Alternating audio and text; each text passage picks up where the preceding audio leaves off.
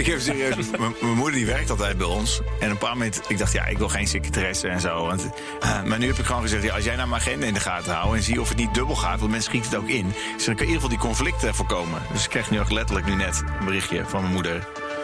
Afspraak Prodigy... eh, Prodigy... Product Strategy ingeruild voor, dat, voor die en die. Dat krijg ik een sms'je van mijn moeder. En dan, mooi. Nou, hoef ik ook weer niet over na te denken. Kijk, super. Dus de helft wel. Maar je Goed, man. je moet wel, ja. En dan vragen mensen, is dat je vrouw? Nee, je zus? Nee, is mijn moeder. Oké, we gaan beginnen.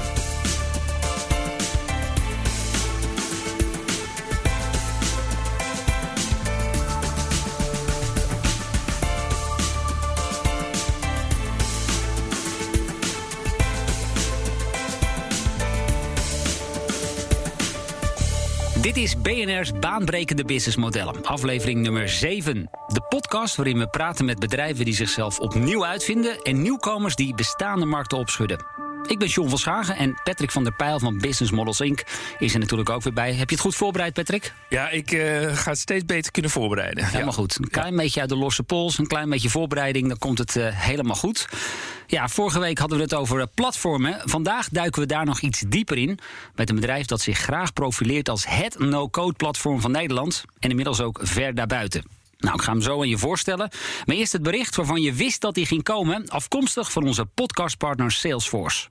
Zij stellen bedrijven van elke omvang en industrie in staat om te profiteren van nieuwe technologieën, zoals cloud, voice en kunstmatige intelligentie. Met als doel om op de meest effectieve manier verbinding te maken met je klanten. Ook adviseert Salesforce op het gebied van innovatie en groei om op die manier succesvol te zijn in het digitale tijdperk. Ze hebben zich verbonden aan deze podcast en kunnen dus ook jouw partner worden in innovatie en digitalisering. Salesforce. Oké, tijd nu voor onze gast. Hij begon het bedrijfje ooit op de zolderkamer bij zijn ouders thuis... samen met zijn broer. En inmiddels is Betty Bloks tot ver over de grenzen actief. Chris op Dam, van harte welkom. Leuk dat je er bent. Ja, laten we meteen maar even twee belangrijke elementen... uit jullie businessmodel erbij pakken. Wat lever je en wie nemen dat af? Wij leveren software, is eigenlijk het makkelijkst. Eh, zoals dat tegenwoordig heet, software as a service. En dat leveren we aan, eh, aan eh, enterprises in slecht Nederlands. Ja, en heb je daar een aantal voorbeelden van? Klinkende namen? Ja, zeker. In Nederland uh, de Nationale Politie bijvoorbeeld is een, uh, een van de grootste werkgevers van Nederland. En gebruikt uh, Betty Blocks om citizen development in te voeren. Ja, citizen development, dat klinkt misschien al een beetje technisch. Wat kunnen zij met jullie platform? Nou, wat we eigenlijk proberen te doen is bedrijven innovatiever te maken. En concurrerender, doordat meer mensen dan alleen programmeurs software kunnen maken. Iedereen herkent dat wel. Je hebt een probleem in je organisatie. Je weet wat de oplossing is, maar eigenlijk heb je er een app voor nodig of een stukje software om dat te verbeteren. Normaal deed je dan een verzoek bij de IT-afdeling. Wil je dit voor me maken? En dan wacht je een jaar en dan kwam het niet. En met een no-code platform kan je als uh, professional dat gewoon zelf doen, zonder dat je ervaring hebt met uh, softwareontwikkeling. En dat is wat we proberen te doen bij onze klanten. En nou was jij voorafgaande deze opname al even in gesprek met Patrick. Toen ik alle schuifjes nog uh, aan de, op de juiste plek aan het zetten was. En toen Patrick, die naam, hè, dat wilde jij ook weten. Ja, ik was gefascineerd. Dus ik dacht, hé, die naam, ik denk die naam. Ik had er nog niet eerder van gehoord. Maar je kan er ook dan echt niets uit opmaken. Dus ik dacht, uh, die gooien we zo meteen even erin. Uh, nou, daar komt als we Chris spreken. Chris? Als je er helemaal niks uit kan opmaken, gaat het ook niet goed natuurlijk. maar we proberen in ieder geval wat los te maken. Uh, ja, de gedachte is eigenlijk dat we, we proberen softwareontwikkeling menselijker te maken. Dus wij waren op zoek naar een menselijke naam. En ons vorige bedrijf hadden we ook al een verhaal achter de naam. Het is gewoon leuk om verhalen te kunnen ja. vertellen. En als je het ook eigen maakt. En Holder was dat, hè? Dat klopt, ja. ja. En, uh, een holder is een tweewielige trekker. En uh, mijn broer en ik zijn zoon van een uh, bloembollenkweker. En trekkers zijn dan heel belangrijk in je leven. Ja, snap. absoluut. Ja, ik, ik, ik heb er nog mee, mee gewerkt vroeger. Althans, tijdens het bollenrapen natuurlijk. Een holder? Ja, ja een holder inderdaad. Hey, maar Betty Blocks, dus het moest menselijk. Ja, en omdat we uh, eigenlijk een traditie hadden van interessante namen bedenken, wilden we dat nu ook doen en wilden een menselijke naam hebben. En toen uiteindelijk heeft een klant voor ons heeft de naam uh, met wat omwegen Betty bedacht voor ons product. Toen ja. dachten we, nou, we hadden met Holder eigenlijk een beetje hetzelfde probleem. Dan zeiden mensen, wat is dat dan? Ja. Toen later hebben we het internetbureau Holder genoemd om maar uit te leggen wat we deden. Toen dachten we, nou, die fout moeten we niet nog een keer maken. Dan doen we er iets achter wat het moet voorstellen. En toen hebben we de bloks achter gezet, omdat dat allitereert zo lekker. Betty Bloks. En, en het, het valt op. Eigenlijk ook wel aan, want het is jullie platform. Daar kun je met door middel van blokjes kun je eigenlijk die applicaties in elkaar zetten. Ja, ja dat is, als je het heel eenvoudig maakt wel. Mensen verwachten altijd dat het een soort van Duplo is. Maar het is iets meer technisch Lego is het, zeg ik Ja, ja. altijd. Eh, je kan het ook op een Duplo manier benaderen. Het is eigenlijk van Duplo tot, eh, tot technisch Lego eh, bij elkaar. Maar dat blok, die analogie die doet heel goed. En dan vraag ik me toch af, als laten we zeggen Patrick jullie belt, hoe vaak wordt er gevraagd naar mevrouw Bloks? Er wordt wel heel vaak gevraagd naar Betty. Oh, toch wel, ja. of het mijn ja. dochter is of eh, is het mijn vrouw. Ja. Nou, allebei niet. Het is ook niet mijn moeder. Die is het ook niet. Nee. Dus eh, het is eh, helaas een, het is ons bedrijf. Nee, heel goed. Hey, en ik begreep, ehm, het was in feite een irritatie van jouw broer... die destijds de aanzet gaf van dit bedrijf, hè? Ja, dat klopt. Toen we het vorige bedrijf groter aan het maken waren, eh, kwamen we erachter dat onze interne software eigenlijk ook heel erg achterliep en eh, niet paste. En als je je bedrijf wil optimaliseren, helpt het gewoon heel erg als je systemen kloppen. Als het tegen je werkt is het drama, als het voor je werkt is het eh, hemel op aarde, zeg maar. En hij wilde naar die, naar, naar die hemel toe werken. Alleen moest hij elke keer aan de programmeurs van het bedrijf vragen: willen jullie dit voor me maken? En dan gingen klanten gingen voor. Dus als hij iets wilde wijzigen, dan duurde het heel lang. En hij zegt: waarom kan ik dit niet gewoon zelf? Nou, zeiden wij, moet je leren programmeren? En zegt hij, dat wil ik helemaal niet. Ik wil het gewoon bouwen. Kunnen jullie niet wat makkelijker maken? Dat is echt letterlijk hoe het gegaan is. Zo zijn we ooit begonnen met het maken van Betty Blocks. En eh, ja, hij bouwt nog tot op de dag vandaag eh, applicaties. Ja, ja, goed. Patrick, ehm, Chris die zei het zojuist al even, een, een, een paasomgeving. Eh, je hebt SaaS, je hebt Paas, eh, kwam ik ook nog tegen. Ehm, ja, ik kom ze te pas en onpas eigenlijk tegen. Wat betekenen die termen? Ja, dat betekent gewoon as a service. Eh, dus je hebt eh, software as a service, eh, platform as a service. Je hebt nog IaaS, infrastructure as a service. Alleen dat service component betekent eigenlijk dat gewoon werk uit handen wordt genomen. Dus in plaats van dat Chris zegt, joh, hier heb je een software. Dat ging vroeger met zo'n CD-rommetje. En dan moet je dat installeren. Dan heb je er eigenlijk heel veel problemen bij. Want je moet het gaan installeren en dan moet je het onderhouden. terwijl as a service wil eigenlijk zeggen, wij helpen jouw probleem oplossen. Zoals in dit geval van je broer, dat je gewoon zelf kan bouwen. Eh, en dat is interessant, omdat je uiteindelijk dan ook in een andere portemonnee gaat kijken. Dus wat betekent dat als jij gewoon een productje afneemt, dan eh, leg je daar gewoon een bedrag voor eh, neer. Ja. Maar als je dan een probleem oplost, denk je van hé, hey, dat is me eigenlijk wel veel meer waard. Weet je wat jij ook net zei, Chris, over eh, dat je dan naar de hemel aan het ontwikkelen bent. En als het dan meer waard is, zijn mensen daar ook meer bereid voor te betalen. En je gaat ook een langdurige relatie aan met je klant natuurlijk. Ja, absoluut. Dus het is niet zo, we leggen het op het schap en als je het aan die klant hebt verkocht, dan is het wegwezen. Nee, het is echt een lange termijn relatie die je aangaat. Ja. Ehm, zijn er ook nadelen aan het, eh, laten we zeggen, dit type businessmodel? Nou, je ziet wel dat ehm, als je op die manier gaat werken, dan moet je wel rekening mee houden dat je, stel dat je vanaf nul begint, dat je niet alleen een periode hebt om het hele product te ontwikkelen, eh, zodat het uiteindelijk verkoopklaar is, maar daarna moet je het product ook nog financieren. Want wat je eigenlijk doet, is dat je niet in één keer het bedrag gaat afrekenen, maar je doet dat in partjes in de maand, of zeg maar in partjes in de maand per stoel. Ja, en dat, daar moet je wel de adem voor hebben om dat te kunnen doen. Chris, die adem hadden jullie blijkbaar. Ja, nou, ik denk wat interessant is om daarop toe te voegen... is dat wat je dus nu ook ziet met eh, SaaS-modellen... de distributie is anders, het gaat via het internet. Eh, je hoeft geen CD-rommetjes meer te leveren. Een andere eh, verhouding tot je klant, omdat je langdurige relatie aangaat. En daardoor zie je ook dat het hele model anders is... omdat je een veel grotere voorinvestering doet. En dat is ook gebruikelijk binnen SaaS-land. Dat je, je bent niet in één keer break-even met je klant vanaf moment één. Dus wij hebben een, een cost of acquisition, zoals dat heet. Dus hoeveel euro investeren wij in het binnenhalen van een klant. En daarna krijg je een payback period. Dus hoeveel maanden hebben wij nodig om, eh, eh, om zo'n klant eh, terug te verdienen. Ja, en daar modelleer je uiteindelijk ook je hele bedrijf rondom. En daar, zo modelleer je ook je investering in het bedrijf. Ja, maar ik kan me wel voorstellen, vanaf het moment dat je aan dat platform bent gaan bouwen en het moment dat je echt de eerste grote serieuze klant binnenkrijgt, die ook het vertrouwen heeft, die het vertrouwen wil uitspreken in jullie, daar gaan wel een paar jaar overheen natuurlijk. Ja, zeker. Er zijn verschillende manieren om te starten.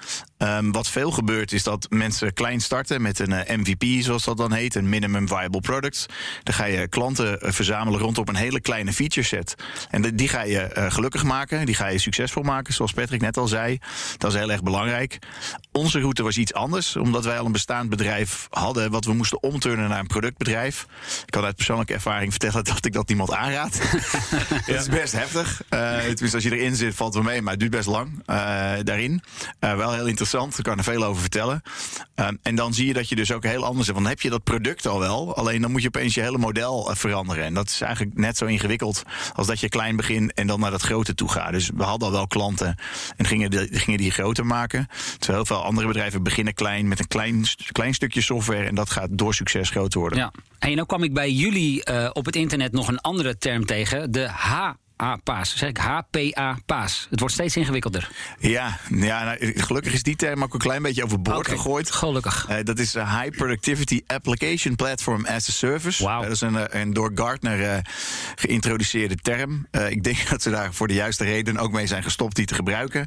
dat is eigenlijk wat, wat tegenwoordig low-code of no-code genoemd wordt. Ja. En dat is daar de voorloper van.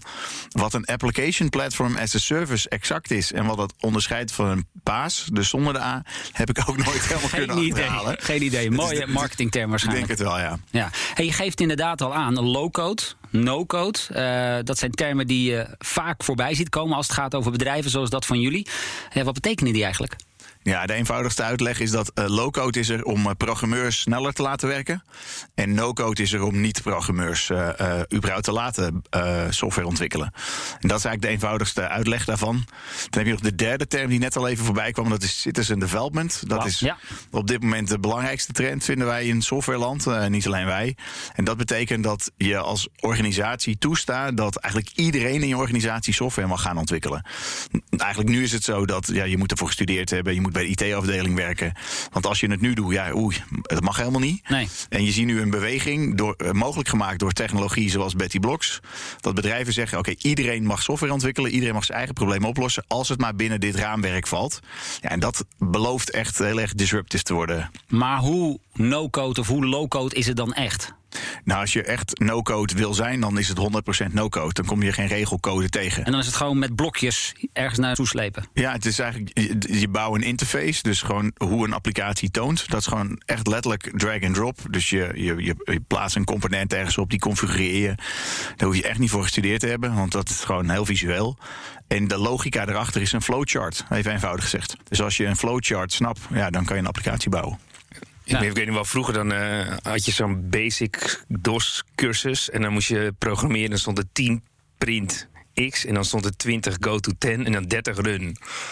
Altijd run, We've come a long way. Ja, we komen al lang.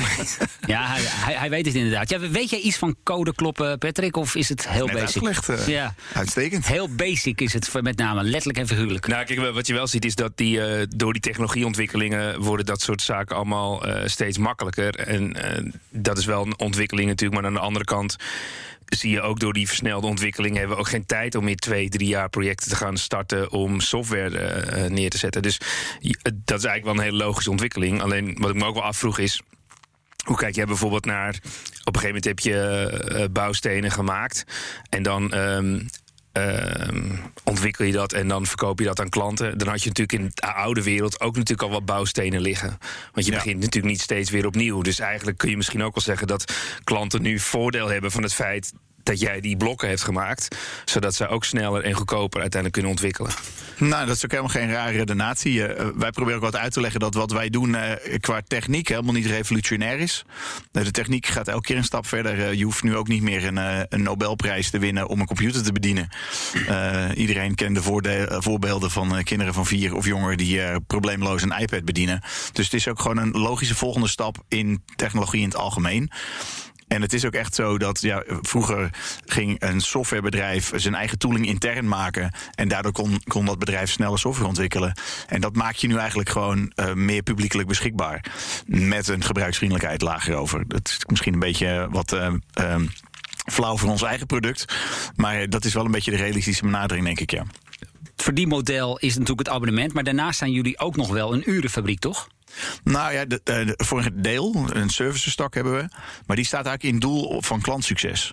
Dus wat wij proberen te doen, is de klanten die we hebben, zoals genoemd, die probeer je succesvol te maken. Door ze te trainen. Uh, door helpen een applicatie te ontwikkelen. Of misschien een eerste applicatie voor die klant te ontwikkelen. Zodat ze zien hoe snel het gaat. En kunnen ze meekijken. En een volgende applicatie doen ze misschien uh, gezamenlijk. En de derde doen ze zelf. Ja, dus wat, je, een beetje... wat je noemde net de nationale politie als voorbeeld. Uh, daar zijn dus ook mensen die met het platform van jullie eigen applicaties aan het bouwen zijn. Ja, dat klopt. Ja, en dat is ook de doelstelling uh, van zo'n organisatie. Uh, daar hebben ze helemaal. Het is een enorme organisatie met, uh, ik durf even niet te zeggen hoeveel medewerkers, maar heel veel. Heel veel. een van de grootste, zo niet de grootste werkgever van Nederland. En ja, je ziet dat daar het zo groot is en decentraal. Dat als je dat niet op een, op een hoger niveau probeert innovatie toe te passen, dan lukt dat ook niet. Dus ze kunnen daar niet de IT-afdeling zo groot maken om voor de hele organisatie te helpen. Dus je moet dat op afdelingsniveau moet je dat proberen te faciliteren. En dat is waar we mee bezig zijn. En ja, daar helpen we ze mee. En ja, daar eh, leveren we uren voor. Maar uiteindelijk doen wij maar één ding en dat is een platform leveren. Ja, nou kom jij bij heel veel bedrijven over de vloer, Patrick. En we hebben het in deze podcast ook vaak over technologie. Denk jij dat dit, zoals Chris dat nu schetst, echt een oplossing kan zijn aan die toenemende vraag uh, aan nieuwe technologie en met name de implementatie daarvan? Ja, ik denk het absoluut. Want um, uh, kijk, je, je ziet dat um, eigenlijk zou je als bedrijf zelf ook die toepassingen makkelijker willen maken, zodat je het uh, zelf kunt realiseren. Zeg maar voorbeeldje, dan heb je zo'n CRM-systeem... en als je dan in zo'n applicatie gaat zitten... dan moet je al die uh, veldjes allemaal af, moet je allemaal bij gaan houden. Eigenlijk wil je gewoon zo'n robotics-appje die erin gaat... en die gaat het even op, uh, op orde zetten. Weet je, en dat zijn allemaal dingen die sneller, slimmer, beter kunnen. en dan zou je ook wel wat handigheid in je eigen bedrijf willen hebben. Want je kunt het nooit allemaal op maat maken. Ehm, je wilt toch ja, korte afslagen maken. Dus je ziet ook wel dat, ik, ja, dat bij bedrijven steeds meer die kennis ook nodig is. Want steeds meer bedrijven worden gewoon technologiebedrijven. Dan is het wel fijn dat je er met de basics zelf kunt, uh, kunt klussen en toepassen. Ja, want developers vinden is, nou geloof ik, voor jullie ook een behoorlijke uitdaging. Maar dat, is dat geldt voor heel veel bedrijven. Ja, nou, en dat is eigenlijk een van de drivers achter ons uh, product.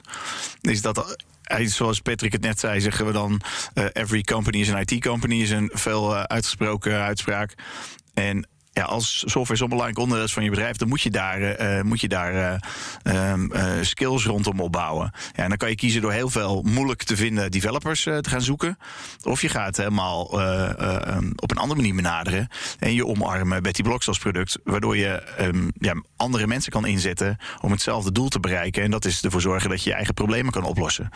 Dus ja, dat is een, een belangrijk onderwerp voor ons bedrijf. Ja. Zie je dan bijvoorbeeld dat jouw vaste kern van collega's die binnen je bedrijf, maar eigenlijk is je volgende schil. Dat zijn je ambassadeurs of je fans die bij al die verschillende bedrijven werken. Als een soort ja, zeker. platform. Ja, het, het, is, uh, het is nog even voor ons te vroeg om het een community te noemen. Maar in ieder geval een, een, een, een, community van bedrijven nu. Onze klanten, maar ook onze partners die onze klanten weer helpen om te implementeren. En uiteindelijk ja, gaat dit qua schaalgrootte er ook naartoe dat het ook gewoon mensen elkaar gaan opzoeken uh, over, de Betty Blocks, uh, over het Betty Blocks thema. Om daar kennis in uit te wisselen. Dus dat klopt zeker. Ja. Chris, nu zijn jullie ruim iets van een jaar of tien geleden begonnen met Betty Blocks. Volgens mij bestonden heel veel termen als paas en, en apaas en saas bestonden toen helemaal nog niet. Hadden jullie wel toen al een idee van waar het naartoe zou gaan? Nou, eigenlijk omdat het voorbeeld wat we noemden van mijn broer Tim... Um, herken, uh, ervaarden we zo sterk zelf dat we wisten nog niet hoe we het moesten noemen. Maar het probleem wat we daar zagen, daar, daar zagen we een enorme toekomst in. We zagen het bij andere klanten van ons, zoals uh, Vivat, de verzekeraar. Zagen wij gewoon dat, dat die hadden hetzelfde probleem. Die hadden mensen die zelf iets wilden doen, maar het lukte niet. En wij dachten toen, ja, nou, wij gaan het gewoon proberen. Heel veel mensen zeiden, ja, maar het gaat nooit lukken... dat, dat mensen die niet IT'ers zijn iets gaan bouwen. Dat gaan we nooit toestaan. Nou, je moet, als je maar lang genoeg wacht, dan uh, komen sommige visies vanzelf uit. En uh, ja, dat is nu echt super groot in de hele wereld in IT. Ja, misschien moet ik die vraag ook maar even stellen, Patrick. Wat betekent dit voor het businessmodel van heel veel softwareontwikkelaars? Ja, ik denk die, uh, dat is wel de gevestigde orde die dan uitgedaagd wordt. dus dat betekent, ehm, ja, toen ik zeg maar als consultant begonnen in de jaren negentig. Dan had je echt enorme grote EEP-trajecten bij bedrijven. Nou, er gingen echt miljoenen en miljoenen miljoenen in. En die probeerden eigenlijk ook een heel groot probleem in één keer op te lossen. Door uh, bijvoorbeeld een bedrijf als Rail Infrabeheer in één keer helemaal aan te sluiten op alle systemen. Ja, dat, dat soort partijen uh, hebben echt wel een uitdaging naar de toekomst toe. En dan zie je dat je met dit soort concepten eigenlijk, ja, ik vind het echt het demystifyen van het hele coding en het softwareproces. En dan weet je gewoon veel beter. Mensen zijn beter geïnformeerd via het internet, dus die weten ook wat ze wel en niet uh, moeten en kunnen betalen. Dus um, die zullen ook minder accepteren dat je naar dat soort grote mislepende trajecten toe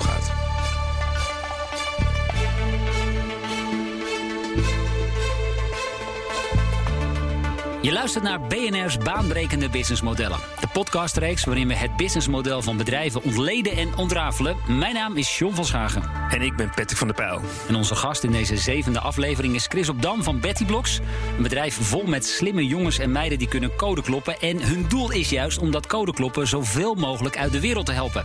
Straks praten we verder met hem. Eerst is het tijd voor onze wekelijkse rubriek. Wat komt er nu weer uit de oude doos? Elke week gaan Patrick en ik terug naar een bijzonder moment, een speciaal persoon of grappige anekdote uit het verleden die raakt aan het onderwerp van deze podcastreeks. En Patrick, wat is jouw moment?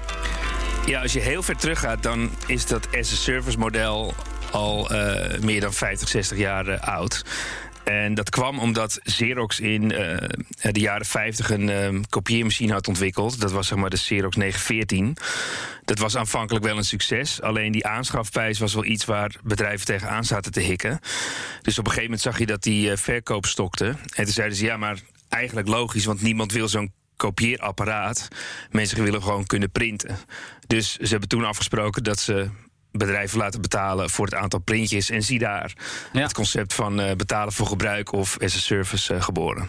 Oké, okay, mijn moment dan. En daarvoor moet ik eerst even terug naar een aantal weken geleden. Want toen kreeg ik namelijk een berichtje in mijn mail dat het Office pakket 2016, waar ik gebruik van maak, niet meer zou worden ondersteund. En of ik dus even wilde overstappen op uh, Office 365. En dat brengt mij terug op de datum van 28 juni 2011, want toen werd dat platform officieel gelanceerd. Het zijn eigenlijk allerlei digitale diensten in één mandje. In het begin was dat nog uh, ja, Word, Excel en Outlook.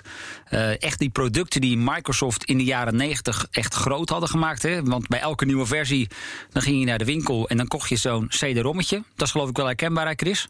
Ja, zeker. Zo ben ik ook, ook ja. ooit begonnen. Ja, inderdaad. En dan naar de winkel toe, CD-rommetje halen en installeren. Nou ja, je zag dus in 2011 dat Microsoft die shift maakte naar zo'n SaaS-model. En het was toen misschien wel spannend, want het was helemaal niet duidelijk of het ook echt die kant op zou gaan. Maar Patrick, ik durf inmiddels wel te stellen dat dat waarschijnlijk wel de redding is geweest van het bedrijf, hè? Ja, want kijk, uiteindelijk um, we zagen die ontwikkeling ook al bij Autodesk uh, uit de US komen. En um, wat daar gebeurde is dat er. Die, het enige waar je nog dan op kan, kunt concurreren is dan uh, de prijs. En dat gaan die CD-rommetjes uh, voorbij. En ik had toen. Ja aan Justin Lokic gevraagd. Dat is um, nu onze kantoorpartner in San Francisco, maar die werkte daar jarenlang. Ik zeg, hoe kan het dan dat op een gegeven moment het bedrijf toch omgaat naar zo'n uh, cloud service. Want aanvankelijk leek het helemaal niet zo aantrekkelijk. En zei ja, je ziet dat dan klanten blijven vragen voor uh, de updates, willen ook niet meer een jaar wachten voor een, op een nieuwe release. Dus je zag dat dat eindelijk ook niet meer kon om er niet aan mee te doen. Uh, dus uiteindelijk heeft Autodesk die stap gezet. Maar voor hen was dat ook inderdaad wat Chris net zei. Als je een bestaand bedrijf moet gaan omkatten naar een service of naar een cloud, dat is wel natuurlijk een enorme ingrijpende verandering. Goed, Chris op Dam van Betty Blok, zoals gezegd. Hij is deze week onze gast in BNR's baanbrekende businessmodellen. Uh, maar eerst Patrick, we hebben het over succesvolle as-a-service bedrijven. En als je dan naar kijkt, er zijn er inmiddels uh, behoorlijk wat. Zie jij dan ook een soort van ja, gemene deler? Iets wat ervoor zorgt dat ze zo succesvol zijn? Ja, ik denk het eerste is die populariteit is toegenomen omdat we uh, zeg maar nu niet meer in zo'n lineaire wereld leven, maar in een digitale wereld. En in die digitale wereld hebben we niet te maken met schaarste, maar met overvloed. En er komen er andere modellen voorbij. Je ziet dan ook bijvoorbeeld dat het zo druk is op die digitale snelweg, dat mensen denken: ik wil gewoon geholpen worden, want ik kan het zelf ook niet meer overzien en ik heb er ook gewoon geen tijd meer voor. Dus je ziet dat die, wat zie je als gemene deler? Eén is overwegend digitaal of echt een digitale component. Daarnaast zie je dat klanten ook bereid zijn daarvoor te betalen. Uh, om dat weg te nemen en niet zelf alles moeten gaan uitvinden. Um, en als je die sleutels bij elkaar pakt, dan heb je wel een groot stuk van het ingrediënt dat het nu ineens echt heel populair uh, Ja, en een term wat je dan altijd weer tegenkomt, dat is schaalbaarheid. Zo'n as-a-service model is ontzettend schaalbaar. Is dat er overigens altijd? Of ja, moet je dan eerst nog even aan de juiste voorwaarden zitten knutselen?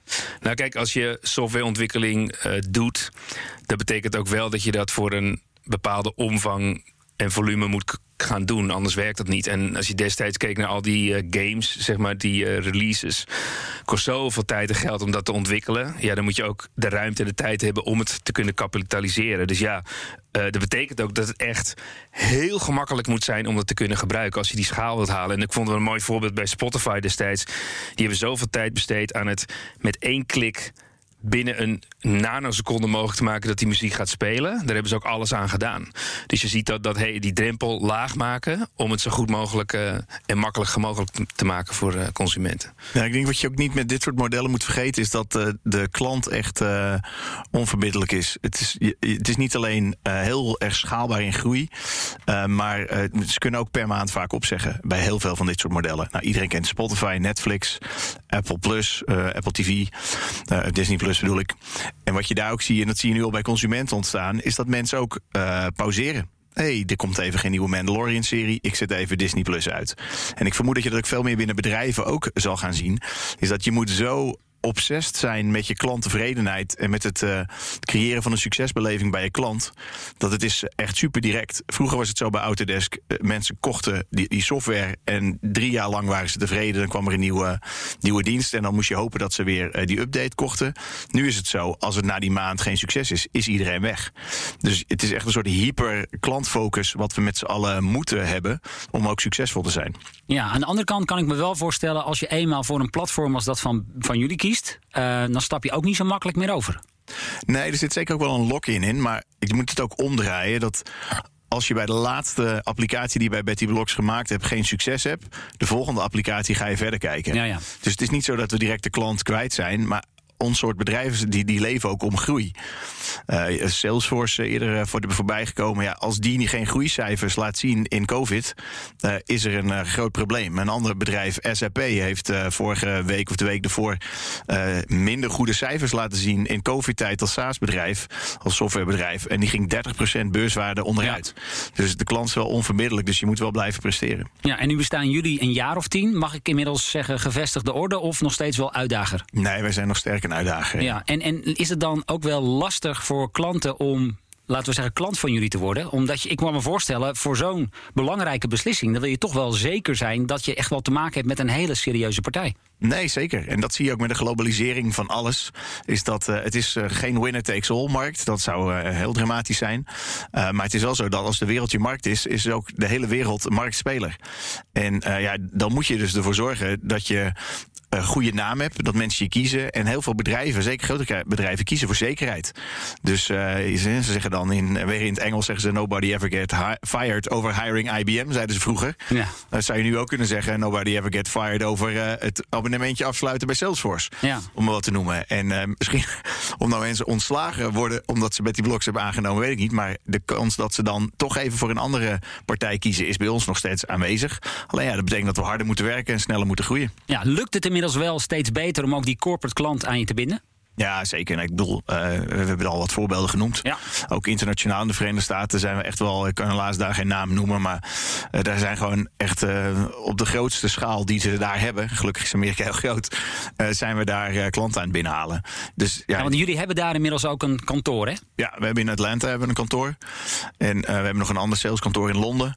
dat is waar we zelf zitten. En we hebben een, een global spanning partnernetwerk om in andere delen van de wereld ook klanten aan te sluiten. En wat zijn nou, als je mm, met Betty Blocks wil beginnen, wat zijn eigenlijk de klassieke bouwsteentjes of het klassieke patroon waar het mee begint? Nou, je ziet dat wij heel veel bezig zijn met, uh, uh, met dus dat citizen development. Dus het zijn heel veel businessproblemen die je oplost. En soms zijn ze heel praktisch. Dus we beginnen soms bij uh, desk reservations. Dus in deze tijd moeten alle kantoren, moeten vaak, moesten bureaus moesten gereserveerd worden. Covid kwam op. Dus je moet heel wendbaar zijn. Nou, dat zijn echt typische Betty Blocks applicaties die je maakt. Um, in de giftenregistratie en zo. Echt heel erg in dat processtuk. Daar beginnen mensen. En dat groeit door naar hele portalen. Er zijn verzekeraars die, uh, waar je gewoon je polis kan aanpassen in een Betty Blocks applicatie. Mensen beginnen heel klein en, en, kiezen er dan voor om één applicatie groter te laten groeien. En bijvoorbeeld met die, als je begint met die desk te reserveren, ga je dan op een gegeven moment per voor het gebruik betalen? Of gebruik je voor de software of voor het aantal stoelen? Of is dat, zijn er steeds unieke modellen of is het gewoon één model? Nee, het is eigenlijk bijna overal is het gebruikers gebaseerd. Dat is ook het meest transparante model wat je kan bieden. we hebben wel ge geëxperimenteerd met wat meer usage gebaseerd. Alleen je merkt dat uh, zeker grote enterprises die willen zekerheid. Dus als ze van tevoren niet weten hoeveel het gebruikt wordt, vinden ze het heel moeilijk om in te kopen. Ja. Dus dan heb je een heel moeilijke sales cycle. Terwijl als je gewoon zegt, ja, 300 gebruikers, oké, dat snapt iedereen. Ja, aan de andere kant kun je zeggen, als je een simpele reserveringstool maakt, dan heb je misschien maar een paar bloks heb je nodig. Wordt het een complete online portal, dan zijn het veel meer blogs. Ga je dan aan de mate het aantal blogs ook meer betalen? Nee, wij onderscheiden uh, private en public users. Dus als het een interne applicatie is, betaal je um, uh, meer dan voor een publieke gebruiker. Hij wilde bijna gaan zeggen hoeveel, maar. De... oh, nee, onze prijs staat op de website, dus dat is niet zo ingewikkeld. Um, en je, alleen omdat van publieke gebruikers heb je er vaak veel meer, maar is de impact op het systeem veel lager. Omdat je, als jij uh, klanten hebt, die loggen één keer in de week in op een systeem, terwijl jouw medewerker, je collega, die uh, logt of die gebruikt dat ding de hele dag door. Ja. En hoe zit het met de kosten? Want zo'n SaaS-model moet je natuurlijk ook, zo'n platform moet je wel up-to-date houden. Is dat intensief of is dat we ontwikkelen in het begin van het jaar iets en dat loopt dan wel door en heel af en toe doen we een update? Nou ja, wij, bij ons is het het allerbelangrijkste wat er gebeurt. Ja. Uh, dus uh, uh, wij zijn een groeibedrijf, dus wij zijn sterk gefinancierd. Dus dat is waar het rust van het geld ook heen gaat. dat is ook waar wij, zoals ik al net zei, onze hyperfocus moeten hebben. Zorgen dat als klanten het gebruiken, zowel in de ontwikkelervaring, want dat is het lastige wat wij hebben, een soort tweetrapsraket. Ja. We moeten eerst developers blij maken, een nieuw soort developer, iemand die het nog nooit gedaan heeft. En dan moet de eindgebruiker van die applicatie, moet ook weer blij zijn met die applicatie. Want als hetgeen wat, die, wat onze ontwikkelaar ontwikkelaar, onze echte klant, gemaakt heeft. Als dat geen succes is, hebben wij ook weer geen succes. Dus ik wil alleen maar zeggen dat we gewoon heel zielig zijn, denk ik. Ja, ja. en als je dan kijkt naar kosten, um, dat zit er met name in mensen, jullie eigen medewerkers. Ja. Ja, een stukje advertising nog. Maar dan heb je wel echt het grootste te pakken. Ja. Het is eigenlijk alleen maar uh, salaris. Patrick, jij had het net in jouw voorbeeld al over Xerox. Een kopietje in plaats van een kopieermachine. Welke andere producten lenen zich ook nog voor dit as-a-service model? Nou, ik zie wel dat bijvoorbeeld een bedrijf als IKEA bezig is met um, furniture as a service. Um, ook omdat je dan ziet dat um, eigenlijk de, ja, de jongere generatie niet echt veel zin heeft om veel geld in één keer kwijt te zijn. Maar ik kan me ook wel voorstellen dat je misschien, kijk, als ik dan naar met mijn eigen bedrijf een vestiging ga openen in Frankrijk bijvoorbeeld. Misschien gaat Betty Blocks wel op een gegeven moment een soort company as a service aanbieden. Zou niet fantastisch zijn dat je daar de, de sleutel omdraait en dat je daar gewoon uh, je software alles hebt draaien? Ik kijk even naar Chris. Nou ja, het is uh, heel, heel leuk dat je het zegt. Want we hebben met een partner van ons zijn we bezig om bijvoorbeeld een, uh, uh, een Center of Excellence as a service te bieden. Wat je ziet is dat als mensen dus nu ons platform moeten omarmen, dan kan dat voor bedrijven enorme impact hebben. Als je het helemaal zelf moet opbouwen binnen je bedrijf, dan moet je mensen aannemen, dan moet je eh, mensen opleiden. En met die partners zijn we nu gewoon bezig om ervoor te zorgen dat die zet in één keer mensen neer met ervaring. Die doet het binnen je bedrijf, helemaal uh, in-house. Um, en op een bepaald moment, als het succesvol is en het draait, dan krijg je de sleutels van de mensen, zeg maar. En dan draaien die mensen door. En dat is ook een soort van de asset service. Ja, fantastisch, toch? Ja, mooi. Ja. Is dat inderdaad ook jullie grootste uitdaging, die drempel weghalen bij bedrijven? Dat is een van, de, een van de drempels uiteindelijk. Tenminste, het binnenkomen is altijd de eerste ja. echte drempel. Ja, dat, dat bedoel ik ook eigenlijk ook. Ja, inderdaad, dat je zeg maar, bij een nieuw bedrijf binnenkomt... omdat ze denken, ja, wat halen we nu allemaal op onze hals? Dat, wordt, dat geeft een enorme impact op de hele bedrijfsvoering. Nou, het voordeel is, is dat het is zo'n gehypte trend, als ik mag zeggen. Op een positieve manier. Ik denk dat het geen hype is, maar het is echt een hele wezenlijke trend.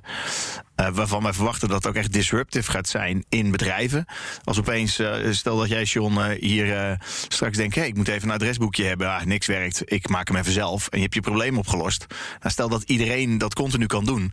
dan is dat voor de IT-organisatie ja. een enorme impact... en een hele verandering inside-out van wat ze doen. Dus ja, zo, maar daar gaan we wel naartoe. Nee, dat weten wij, ja, dat ja. weten wij zeker, ja. We zijn ook niet de enige. Er zijn allemaal tech-analisten die dat ook allemaal roepen. Wij werken samen met de Project Management Institute. Is een grote non-profit organisatie die uh, professionals uh, begeleidt in projectbegeleiding en allemaal van dat soort zaken. En die hebben Citizen Development helemaal omarmd en zien dat als de belangrijkste disruptor in enterprises van de komende vijf jaar. Kijk even naar Patrick. Hebben jullie bij BMI nog, uh, nog nieuwe software nodig, applicaties?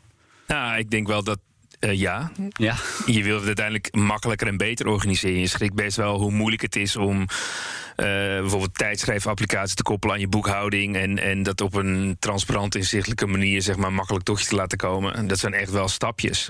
En je ziet dat als je daar uh, goed gebruik van kan maken, dan gaat de performance van je bedrijf gewoon omhoog. Omdat je elke dag die data kunt zien. Je kunt ook die aanpassingen. Dus ik denk, eh, ja, dat is wel echt de toekomst. Ja, en nu, Chris, ik heb een heel klein beetje verstand van HTML. Ik ken een paar codes en dergelijke, maar het is niet heel overdreven. Hoe lang duurt het nog voordat ik, ook hier bijvoorbeeld bij BNR, mijn eigen applicatie kan gaan bouwen? Nou, ik denk dat qua of je het kan doen, denk ik dat je het nu al redt.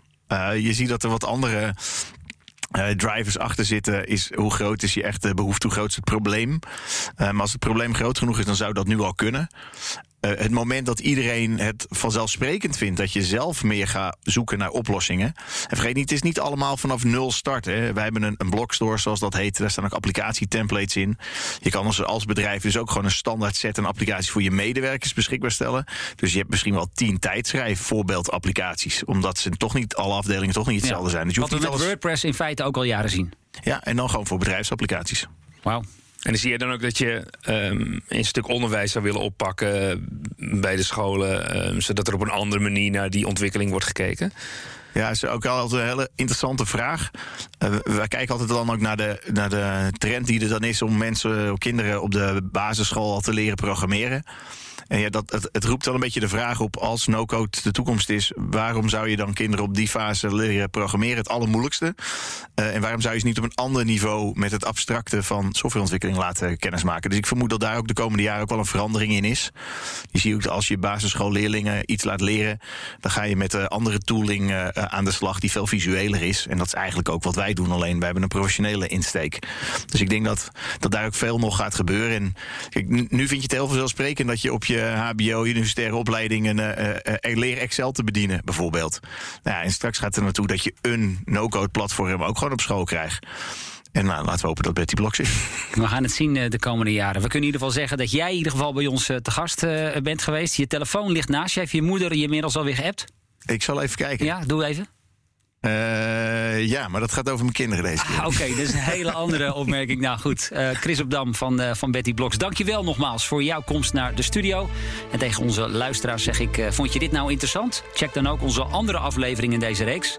Nou, volgende week vrijdag dan vind je weer een gloednieuwe aflevering op bnr.nl en in je favoriete podcast app. En dan te gast Patrick, heel interessant, KBN.